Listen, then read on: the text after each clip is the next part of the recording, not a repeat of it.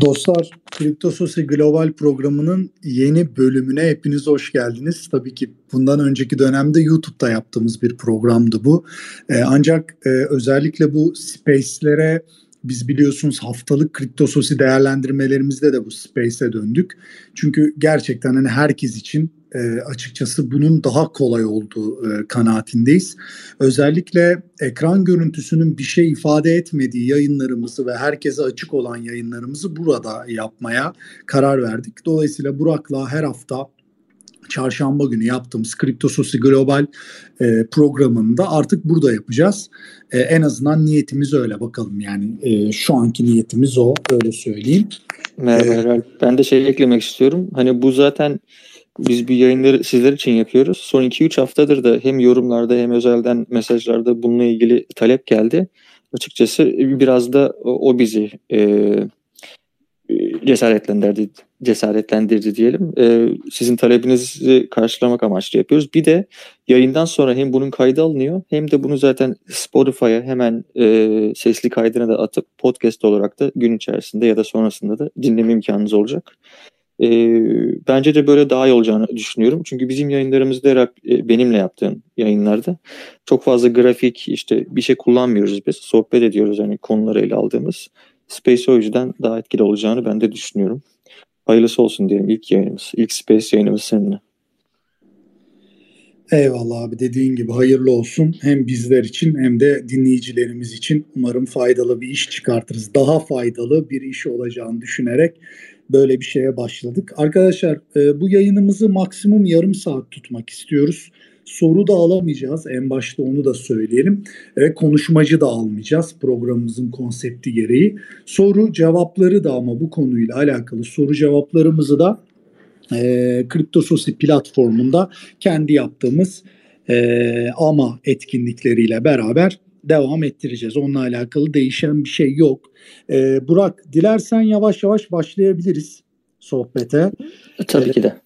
Ben ben öncelikle şeyle başlamak istiyorum. Ee, yani bugün e, saat 21 gibi Türkiye saatiyle artık Fed'in kararları açıklanacak.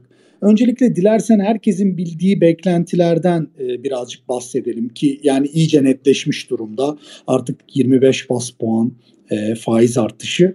E, bu konudaki önce bir beklentileri aktarıp hiç bilmeyen, hiç haberdar olmayan arkadaşları da bilgilendirelim. Onun üzerinden de konuşmaya devam edelim. Tamamdır. Ee, bu bildiğimiz gibi zaten e, biz yayınlarımızda hep bahsediyoruz. Hani piyasa e, piyasanın beklentisi ne ise Fed ona Fed ona karşı onu e, piyasaya sürpriz verecek bir şekilde bir karar vermiyor bu toplantılarda.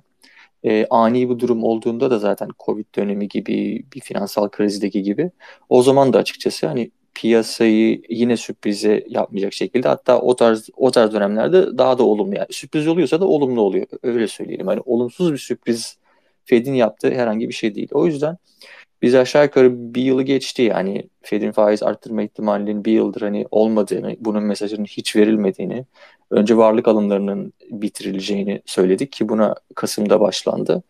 Ee, 3 Kasım benim için zaten hani piyasa içinde bir dönüm noktası. 3 3 Kasım'a kadar genişleme para politikası varken 3 Kasım'dan sonra e, daraltma politikası, parasal sıkılaştırma politikasına girildi.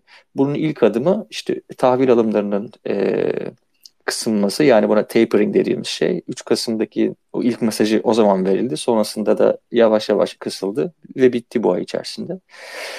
E, bir sonraki adımda faiz arttırımı zaten. E, faiz arttırımına da bu ay zaten bugün başlanacağını artık kesin biliyoruz. 25 bas puan olduğunu da söylüyoruz. E, bundan sonrasındaki süreçle ilgili olarak beklentileri, hangi mesajları e, verecek FED onu da konuşacağız. Ama e, ben size e, şeyi hani hani hep hep şöyle bir algı var ya e, piyasa zaten bunu biliyor fiyatlamıştır ama biliyor şey yapıyordur hani bunu fiyatlamıştır. E, tabii ki de fiyatlamıştır. Tabii ki de sürpriz olmayacak ama bu bu gibi günlerde volatilitenin olmayacağı anlamına gelmiyor ki bu gibi günlerde açıkçası aşırı volatilite oluyor ki, ki dün akşam da oldu bu arada. Hem çok acayip bir volatilite oldu Bitcoin'de özellikle. Bir de e, şeyi unutmayalım. Yani normal bir piyasada değiliz. Global piyasada. Yani Nasdaq'tı, S&P 500'tı, işte VIX'ti çok yüksek. Bir de bunun üzerine şey geldi. Hani Çin'de mesela iki gün önce Çin ve Hong Kong'daki borsalar neredeyse çök, çöküyor diyorum. Çökme değil de yani çok çok ciddi bir düzeltmeydi. Bugün tekrar arttılar. Böyle yani çok garip şeyler oluyor söyleyeyim. Hani normal piyasada piyasanın normal işleyişinin dışında şeyler oluyor. E bunun sebebi de belli zaten. Ee, Rusya'nın Ukrayna işgali, enerji krizi. Ee, bugün ben açıkçası söylediğim gibi eğer oradan başlayalım. 25 bas falan artışı zaten kesin. Ee, sonrasındaki mesajlarla ilgili de konuşuruz. Ama bu tarz mesela Fed'in kararına bağlı analizleri yapmak için 3 Kasım'ı ya da Kasım'ın başını bence şey yapın. E, başlangıç noktası olarak alın. Size tavsiyem. Oradan aldığınızda zaten bütün borsalarda aşağı inmiş. İşte Bitcoin'de zaten o zamanlar 69 bin, 68 bin o civarlardaydı. Yani yanlış hatırlamıyorsam bu arada e, bakmadım ama o civarlarda zirve noktasındaydı. Yani e, bu sürecin biz içindeyiz. Doğru. Şu anda bu sürecin hızını ve nerede biteceğini konuşacağız. Ha, şöyle özetleyelim. Ben sana böyle laf atayım. E, sözü vereyim Eral. Yani şu anda ne olduğunu biz içindeyiz. Bir arabadayız. Ben o şeyi söylüyorum. 3 Kasım'da 3 Kasım'a kadar araba bir yere gidiyordu. 3 Kasım'da araba geri döndü artık. Bizim şu anda konumuz arabanın artık tekrar geri döneceği vesaire değil. Arabanın hızı ve nerede duracağı. Bunu konuşacağız. Bugün özellikle. Ve bugün de bakacağımız şey de bu zaten. Açıkçası beklentilerin e, yani hep bu şeydir e, piyasa terminolojisidir. İşte beklentiler alınır, işte haberler satılır falan gibi ama bunun tam tersi de mümkün. Ama hani aktivasyon açısından bir fark da yok. Şimdi burada FED'le ilgili beklentilerin satıldığı bir piyasa yaşıyoruz Kasım'dan beridir. Bu e, hepimizin malumu. E, nitekim yani çok ciddi e, bir e, para politikasının sonuna geldiğinin e, net bir e, işareti bugünkü e, faiz toplantısı, faiz kararı. Yani buradan bir sürpriz çıkma ihtimali oldukça düşük. E, bunu e, dünkü Space'imizde de konuştuk. Genelde çünkü e, özellikle toplantıya e, şöyle bir bir hafta on gün kala e, genelde bu analitik şirketlerinin işte e, finansal kurumların yaptığı bu konudaki ta- tahminleri e, doğrudan Fed'in kararlarında da görüyoruz. Dolayısıyla bir sürpriz beklememek lazım. Burada 25 bas puan konusunda e, herkes fikir. E, ama işte bundan sonraki süreçte 25 bas puan aslına bakarsanız e, belki küçük bir faiz arttırımı ama en nihayetinde artık para politikasının net değiştiğinin bir miladı aynı zamanda. Burada kaç bas puan olduğunun önemi yok. Bir para, para politikasından, genişlemeci para politikasından biraz daha sıkı para politikasına geçişin miladı olacak. Dolayısıyla bu son derece önemli. Peki piyasalarda bunun etkisiyle alakalı bana göre e, orta vade ve uzun vade olarak ikiye ayırmak gerekir diye düşünüyorum ben Burak. Yani bu soruya bir cevap vereceksek e, orta vade beklentilerle uzun vade beklentileri sanki birbirinden ayırmak daha sağlıklı olur gibi geliyor bana. Ne dersin? Kesinlikle öyle. Haklı. Sana katılıyorum. Bu arada sen e, anlatırken biraz önce söyledim hani bakmadım demiştim ya o fiyat şey, şeye baktım hani benim için dönüm noktası benim için değil bu arada yani piyasa için dönüm noktası Kasım ayının başı demiştim ya size. Kasım ayının başında zaten hani biz Bitcoin'de zirveleri gördük ve e, bu bu para politikasındaki değişim yani arabanın artık geriye dönmesi o tarihteydi. Ve o zamanlar hakikaten şey hadi dedik ki Bitcoin işte farklı, çok volatil vesaire. Ama ben o zaman da o yazılarımda hep bahsettiğimde dedim ki yani bu piyasalarda buradan yani bunu fiyatlayacaksa şu anda fiyatlayacak. Çünkü yeni haber geldi. Nasdaq'a baktığımızda 3 Kasım ya da Kasım'ın başından bugüne %21 düşmüş arkadaşlar. Yani bir şeyden bahsetmiyoruz abi. Bir altcoin'den, Bitcoin'den bahsetmiyoruz. Nasdaq yani Amerika'daki en büyük 100 teknoloji şirketinden bahsediyoruz. Ki Facebook'un, işte Zoom'un, Peloton'un vesairenin hepsi şeyi ortada zaten. Ee, birçoğu Covid öncesi dönemdeki fiyatlamalarına geldi. Yani şeyi söylemek istiyorum. e, Bitcoin zaten o dönemden çok ciddi düştü. Şey de düştü. Tabii ki de biz şu anda bunun fiyatlandığını söylüyoruz. E, kısa vadeli yani orta vadeli ve uzun vadeli olarak da e, şey yapabilmek için biraz önce söylediğim gibi hızı ve araba nerede duracak o çok önemli. Bunları da e, orta vadeli olarak hızı önemli olacak. Arabanın nerede duracağı da uzun vadeli önemli olacak.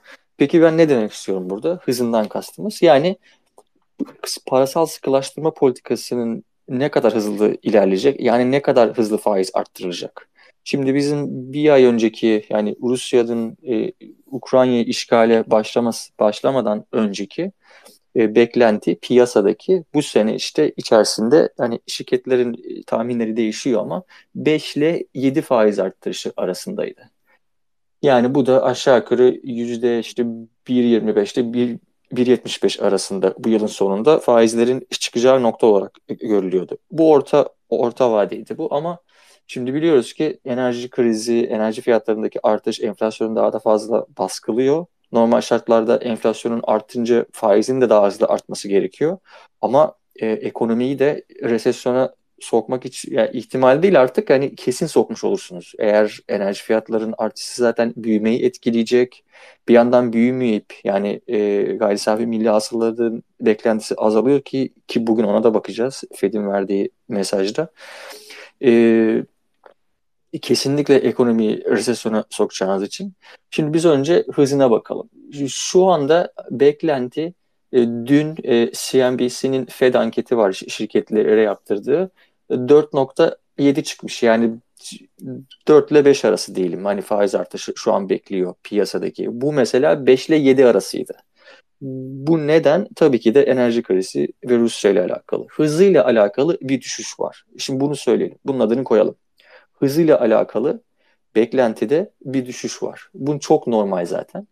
Ee, 2023 sonuna kadar da %2 e, olacağını söylüyor. Yani 2023 önümüzdeki senede bir e, 3-4 faiz artışı olunca %2 olmuş oluyor. Ş- şimdi bu piyasanın beklentisi ama.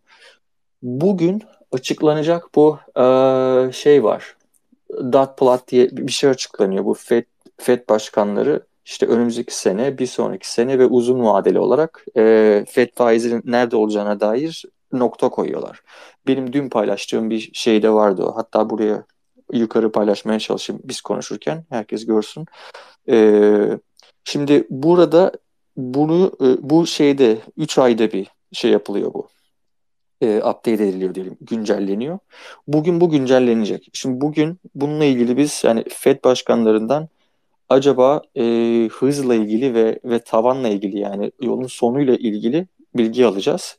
Orta vadeli de hızda işte söylediğim gibi geçen aya göre bir düşüş var piyasalarda belki bu yüzden hani çok hani Fed zaten faiz arttırmaya başladığında piyasalar normalde olumlu bir şekilde artıyor. Yani daha önceki dönemlerde gördüğümüz gibi. Çünkü haber gelmiş oluyor artık. Fiyatlanmış oluyor öncesinde. Ama Rusya'nın Rusya krizi bir anlamda tırnak içerisinde her ne kadar olumsuz gözükse de piyasaya e, Fed'in elini bağladığı için e, piyasayı resesyona ekonomileri resesyona sokmamak için ve Kasım'da seçim de var. Tırnak içerisinde e, olumlu olabileceğini görüyoruz. Çünkü zaten hız da azalmış. 5-7 faiz artışından e, 4'e inmiş diyelim. 4.5'a inmiş. Peki tavan ne? Tavan da burada yani yolun sonu da FED başkanları Aralık ayındaki toplantıda şu an paylaştım bu arada yukarıda yüzde iki buçuk olarak bunu e, göstermişlerdi. Yani uzun vadeli olarak e, Fed'in e, biz yani faizleri yüzde iki buçuğa çekersek önümüzdeki işte 2-3 sene içerisinde biz bu enflasyonu kontrol altına alırız algısı vardı. Şimdi diyeceksiniz ki enflasyon yüzde sekiz olmuş, yüzde iki buçukla nasıl olacak bu iş? E bu şey e, enflasyonun artışının tek sebebi düşük faiz artışı değil e, tedarik zincirindeki problemler, işte Rusya ile alakalı problemler şimdi başladı. Yani bunlar ekonomiyi ve enflasyonu etkiliyor. Uzun vadeli 2-3 senelik bakınca bunların tabii ki de ortadan kalkacağını tahmin ediyor insanlar. Yani herkes tahmin ediyor. E, o yüzden de doğal olarak enflasyon işte doğal halinde %5'e 4'e falan inerse e, Fed de faizi %2,5'a arttırırsa bu zaten onu kontrol altına almış olursunuz siz. Yani mutlaka üzerinde olması gerekmiyor faizin. Bu bu arada Fed'in faizi yani bankaların kullandığı mortgage faizleri bunun çok daha üzerinde oluyor doğal olarak. E, tavanla ilgili e, yani yolun sonuyla ilgili oraya bakacağız. E, iki buçuğa bakacağız. Bir de tabii ki de en önemlisi e, hızla alakalı bilanço daraltılması. Bilanço daraltılmasında şöyle açıklayalım. Hani FED mesela tahvil alımı yaptığında piyasaya para enjekte ediyor ya e, tahvilleri alıp. Bunun da tam tersini yapmış oluyor. Aslında piyasadan para almıyor. Erkan Hoca bunu para yakma olarak açıklıyor bu arada. Hani kripto e, toplulukları daha iyi an, anlasın diye. FED, FED bir anda para yakıyor yani şey yaptığında bilanço. Ama tabii ki de orada rezervlerin yerlerini değiştiriyor sadece. Bankalarla kendi rezervlerinin. O teknik bir konu. Bunu Aralık ayındaki toplantının tutanakları 5 Ocak'ta açıklandığında ki açıklanır açıklanmaz Bitcoin çok ciddi düşmüştü o gün. Fed'in bilanço daraltmasına bu sene içerisinde Temmuz ayında başlayacağının mesajı verilmişti. Ama o zaman zaten Fed'in faiz artışı da %7 idi. Pardon 7 faiz artışıydı. İşte e, bilanço daraltması da hemen başlanacak falan diyorlardı. Ama şu anda iş değişti. Ben açıkçası bugün o yani bilanço daraltılmasını Temmuz ayında başlanmasını hiç beklemiyorum. Muhtemelen seçim sonuna ya da önümüzdeki seneye dahi atabilirler. Onunla ilgili bence mesaj bugün verecek verilecektir diye tahmin ediyorum. O piyasa için olumlu bir haber bu. Bunun da sebebi işte Rusya ile alakalı enerji fiyatlarındaki artışla alakalı beklenti. E, yani beklenti derken hani belirsizlik. E, bir de ee, senin ekleyeceğin bir şey var mı? Bir konu daha var. Onu da onu da bahsetmek istiyorum herhalde. Hayır, zaten son derece yeterli detaylar söylüyorsun abi. Bence eklenecek hiçbir şey yok ekstradan. Tamam. Bugün bir de şeye bakacağız. Şimdi ee, büyüme beklentisi çok önemli. Büyüme beklentisi Aralık ayında Fed'in e, 2022'ye dair, bu sene dair büyüme beklentisi %4'tü. E, Aralık ayında. Şu anda sanırım %2.8. Yani bu şunu gösteriyor bize arkadaşlar. Yani FED büyüme tahminini zaten e, azaltmıştı ve bugünkü toplantıda ya da 3 hafta sonraki tutanaklarda tekrar şeyi göreceğiz. E, büyüme tahminini. Şimdi siz büyüme tahmininizi aşağı çekiyorsanız e, bir yandan da faizi arttırıyorsanız aradaki çelişkiyi görüyorsunuz değil mi bu arada? Şimdi faizi neden arttırırsınız? Ekonomi çok ısındığı için işte e, enflasyon oluyor çok ısınıyor. Ekonomi çok ısındığında, ekonomi aktivite çok ısındığında işte e, faizler düşük olduğu için bu neye sebep yani bunun mesela sebeplerinden ya da sonuçlarından birisi nedir? Büyümedir. Yani ekonomi ısınıyor, bir ekonominin de büyümesi gerekiyor aynı oranda. Ama bir yandan ekonomi büyüyor, ısınıyor. Yani enflasyon artıyor. Ama siz bir yandan da büyüme büyüme beklentisini aşağı çekiyorsunuz. Bunun adı zaten stagflasyon lasyon denilen şey bu yani hem enflasyon var hem de büyüyemiyorsunuz. Ee, biz zaten ya aylardır hep bunu söylüyoruz yani e, bu enflasyon suni yaratılan bir enflasyon olduğu için e, para arzı ve e, paranın paranın dolaşımı var.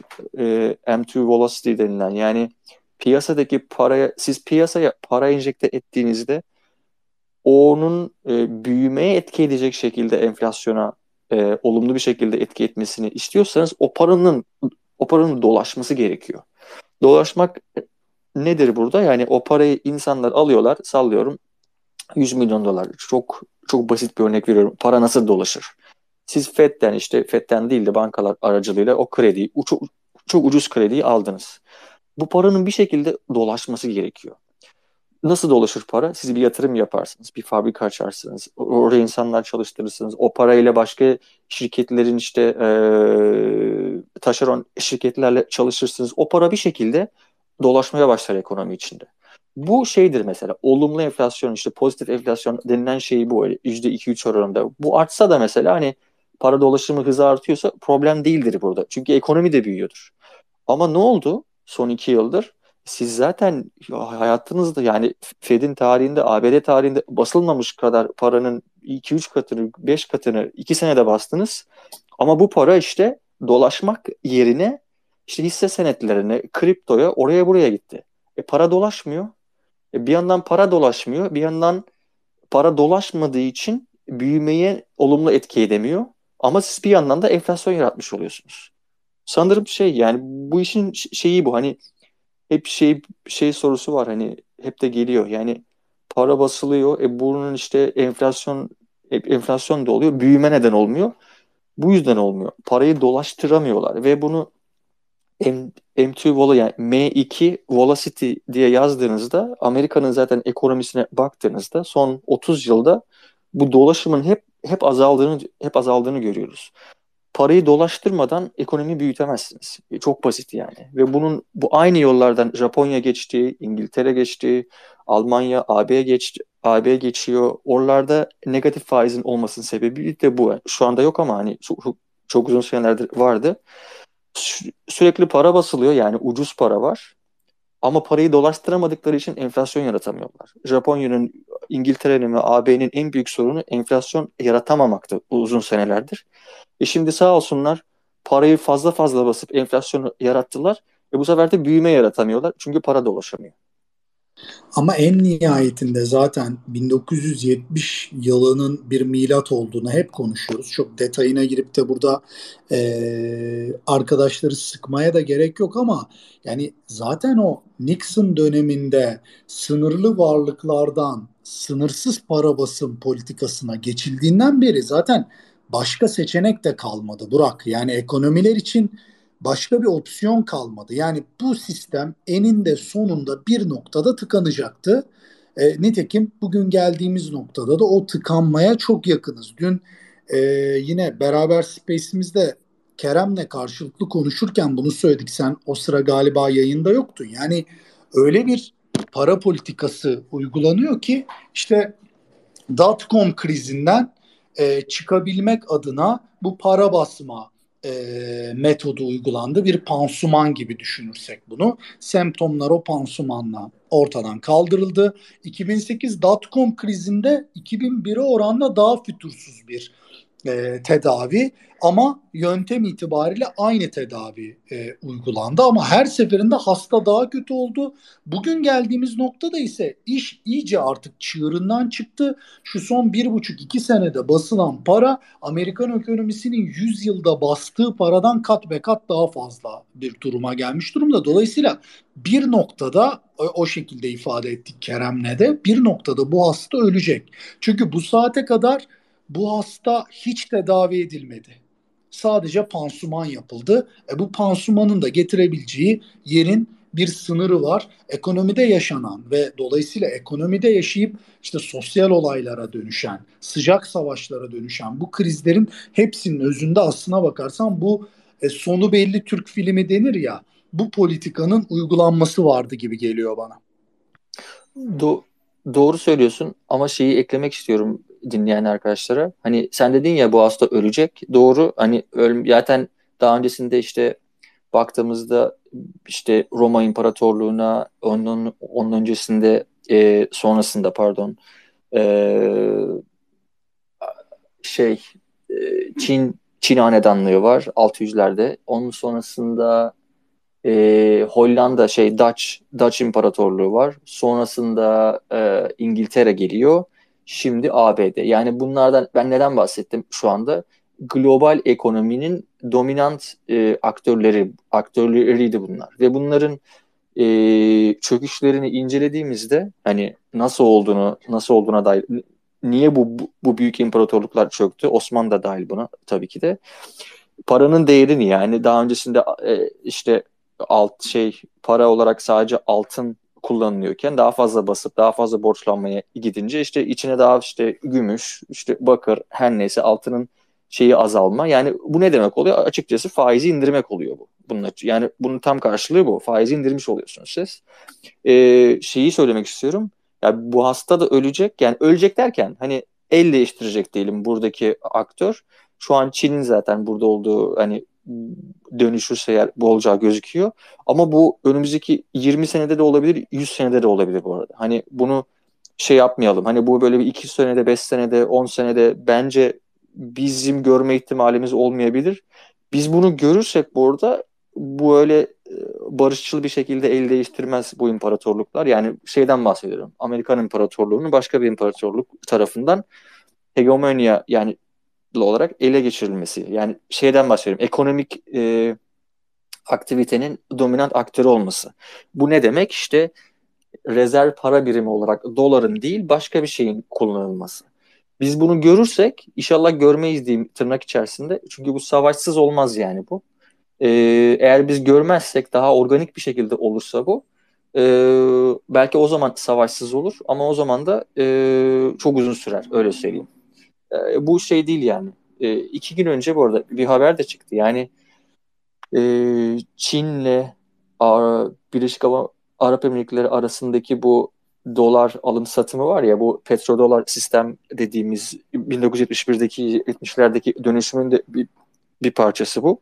Hani Amerika'nın empoze ettiği bir şey. E, petrol alacaksanız işte şeyden e, Arabistan'dan bunu dolarla almak zorundasınız. Şimdi iki gün önceki haberde işte Çin'le arasında Yuan'la da alma e, konuşuluyor. E bu tabii ki de işte senin söylediğin bu ölümü hızlandıracak bir şey. Amerika'nın bu dolar bazındaki hegemonyasını e, ortadan kaldıracak bir gelişme olabilir.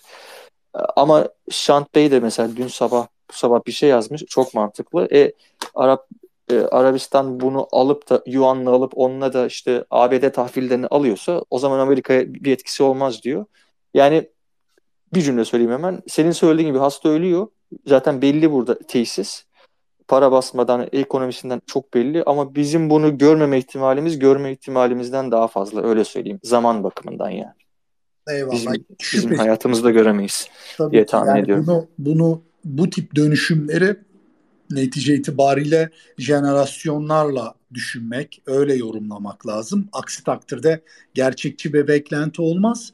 Ama mesela bu e, petrodoların, e, bu sistemin özellikle işte OPEC ülkelerine verdiği zarar itibariyle bu anlamda böyle radikal çıkışlarda olmuştu. Mesela bir Hugo Chavez çıkışı vardı. Ee, işte Saddam Hüseyin çıkışı vardı. Bir tanesi artık altınla satacağım demişti petrolümü. Bir tanesi de euro ile satacağım demişti en azından Avrupa ülkelerine. Ee, ikisinin de sonu oldu. Şimdi Suudi Arabistan'da Veliaht Prens e, en azından babasına göre daha e, radikal görülen bir isim. Özellikle e, şey anlamında, liberalliği anlamında. Yani bu gerçekten Suudi Arabistan'da bir darbe yaratabilecek bir adım aslına bakarsan. Yani e, oldukça cüretkar bir adım ve özellikle oradaki e, hanedanlıktan hiç beklenmeyen bir adımdı. Dolayısıyla gerçekten e, önümüzdeki günlerde büyük belirsizlik yaratan ve bana göre Suud Hanedanı açısından büyük bir risk yaratan bir şey gibi geliyor bana. Doğru söylüyorsun. Hani çok fazla o o detaya hakim olmadığım için bunu paylaştığım çok iyi oldu. Ee, ama orada bir dönüşüm de olduğu belli zaten. Hani Çin'le de aralarındaki e, iki gün önceki bu haber de zaten, Yuan'la alma haberi de zaten e, şey bu söylediğin şeyin bir uzantısı gerçekten. Şimdi 2-3 dakikada toparlayalım istersen. E, ben yine söyleyeyim evet, çok hızlı çok hızlı bir şekilde. Sonra da sana sözü sana bırakacağım en son. E, bugünkü toplantıdan beklenti 0.25 oranında faiz arttırılması bu piyasanın beklediği bir şey. Ve ben bunun haricinde bir şey çıkacağını düşünmüyorum. Çünkü sürpriz olur. Fed'in böyle bir şey yapması sürpriz hak şeyi yok. E, lüksü yok diyeyim böyle bir ortamda. E, bakacağımız mesajlar büyümeyle ilgili beklentisi arttı mı azaldı mı ki azalacak doğal olarak. Çünkü enerji fiyatları artıyor. Bunun büyüme etkisi tabii ki de olacak önümüzdeki 6 ayda bir sene içerisinde. İkincisi bilanço daraltılması ile ilgili Temmuz ayı işaret edilmişti. Bugün belki bunun şeyi bununla ilgili mesaj almayız ama belki e, Pavel konuşurken sorulursa kendisine e, şey olur e, öğreniriz ben bunun hani öteleneceğini tahmin ediyorum. Çünkü böyle bir ortamda da para yakmaya başlarsanız e, ekonomi için hiç iyi olmaz. Kasım'da seçimler var zaten. E, ikinci, son kısımda, üçüncü kısımda bu işin tavanı neresi? Uzun vadeli yani 2023 sonrasındaki işte FED faizleri nereye kadar arttırabilir? Araba nerede durur sorusu yüzde iki buçuktu. Faiz. E, ama enflasyon verileri şu anda fazla arttığı için belki bunu %2.75'e 3'e çekerler mi? Bu arada bu yani kesin değil. Biz sadece median dediğimiz o e, FED başkanları şeye nokta koyuyorlar kendi fikirlerini. Biz onun hani ortadaki hani e, en fazla şey yapılan e, tercih edilen işte be, be, beklentisi en fazla olan faizi alıyoruz. Orada bakalım o birazcık daha değişecek mi? Ona bakacağız.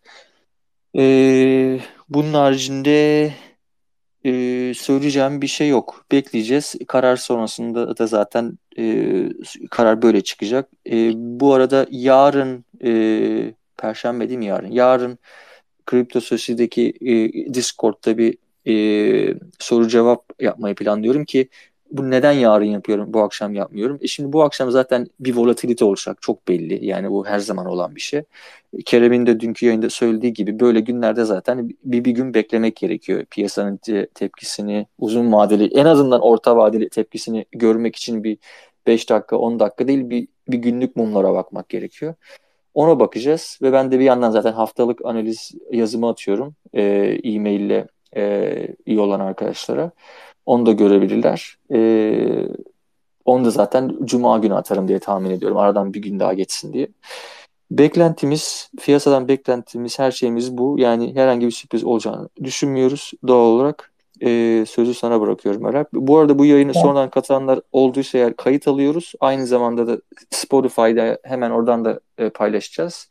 E, başını dinlemediyseniz ya da dinlemek isterseniz eğer e, sonradan da dinleyebilirsiniz.